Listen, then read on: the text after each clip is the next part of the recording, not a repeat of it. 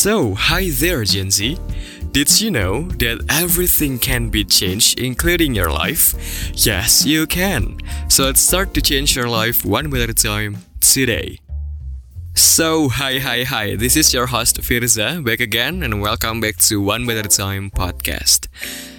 Gue pengen minta lu bayangin deh, kalau lo jadi penulis buku, dan diri lo jadi tokoh utama dalam buku itu, kira-kira cerita yang lo tulis itu punya ending kayak gimana? Dan punya cerita yang seperti apa sih? Coba bayangin deh. Dua minggu lalu, gue baru aja nonton filmnya Sandra Bullock yang baru, The Lost City judulnya. Tenang, gue nggak akan spoiler kok. Sandra Bullock di film ini itu jadi penulis buku romance sejarah fantasy yang sebenarnya latar ceritanya itu ternyata beneran ada di dunia nyata yang ada di film ini. Nah, di film ini, ini secara nggak langsung juga nyeritain konflik batin seorang penulis buku dalam perjalanannya nulis buku yang cukup terkenal, tapi tetap ngerasa ragu dengan cerita yang dia tulis. Gue jadi dapat beberapa pelajaran dari film ini. Dan ya, yeah, I would love to share it to you here. Salah satunya adalah, you are the author of your own book. Lo pernah nggak sih ngerasa pingin lakuin hal lain dari yang lo lakuin saat ini? Maybe lakuin hobi baru, atau ganti kerjaan yang sebelumnya jadi barista di tempat kopi A, sekarang pingin jualan baju maybe. Dan walaupun lo udah tahu mau lakuin hal itu, tapi lo ngerasa sulit banget buat bisa memilih pilihan yang lo mau itu. Mungkin karena tanggung jawab yang ada saat ini, atau mungkin karena rasa takut yang ada di dalam pikiran lo doang. Atau mungkin rasa ragu dalam hati lo, karena lo tahu semua harus dimulai lagi dari nol dan itu nggak mudah untuk lo. Well, gue mau tanya pertanyaan ini ke lo. Enak nggak rasanya nahan keinginan diri lo cuman karena beberapa tantangan yang ada di depan? Gue yakin jawabannya pasti nggak enak. Iya kan? Dari tahun 2020 akhir sampai pertengahan tahun 2021, hal kayak gitu juga gue rasain banget bahkan. Bayangin tujuan lo hilang tengah jalan. Awalnya lo nikmatin banget apa yang lo lakuin, but one day, it's just poof, hilang aja semua desire yang lu punya untuk lakuin hal itu.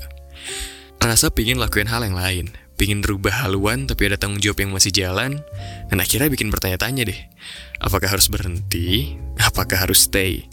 Kalau berhenti gimana cara dan gimana ke depannya nanti?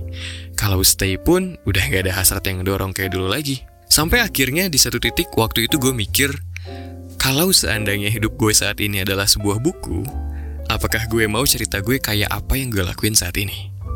Awalnya gue ragu buat jawab pertanyaan itu. Gue terus menghindar.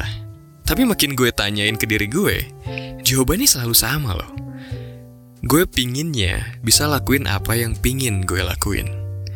Karena, sama kayak Sandra Bullock di filmnya tadi, seorang penulis ada kalanya dia ragu dengan tulisannya, walau udah ada hasil yang diperlihatkan.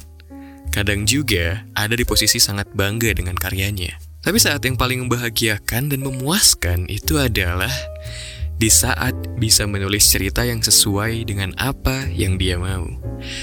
Sesederhana apa pun, semengharukan apa pun, semenakjubkan apa pun, bahkan cerita itulah yang paling memiliki makna di dalamnya.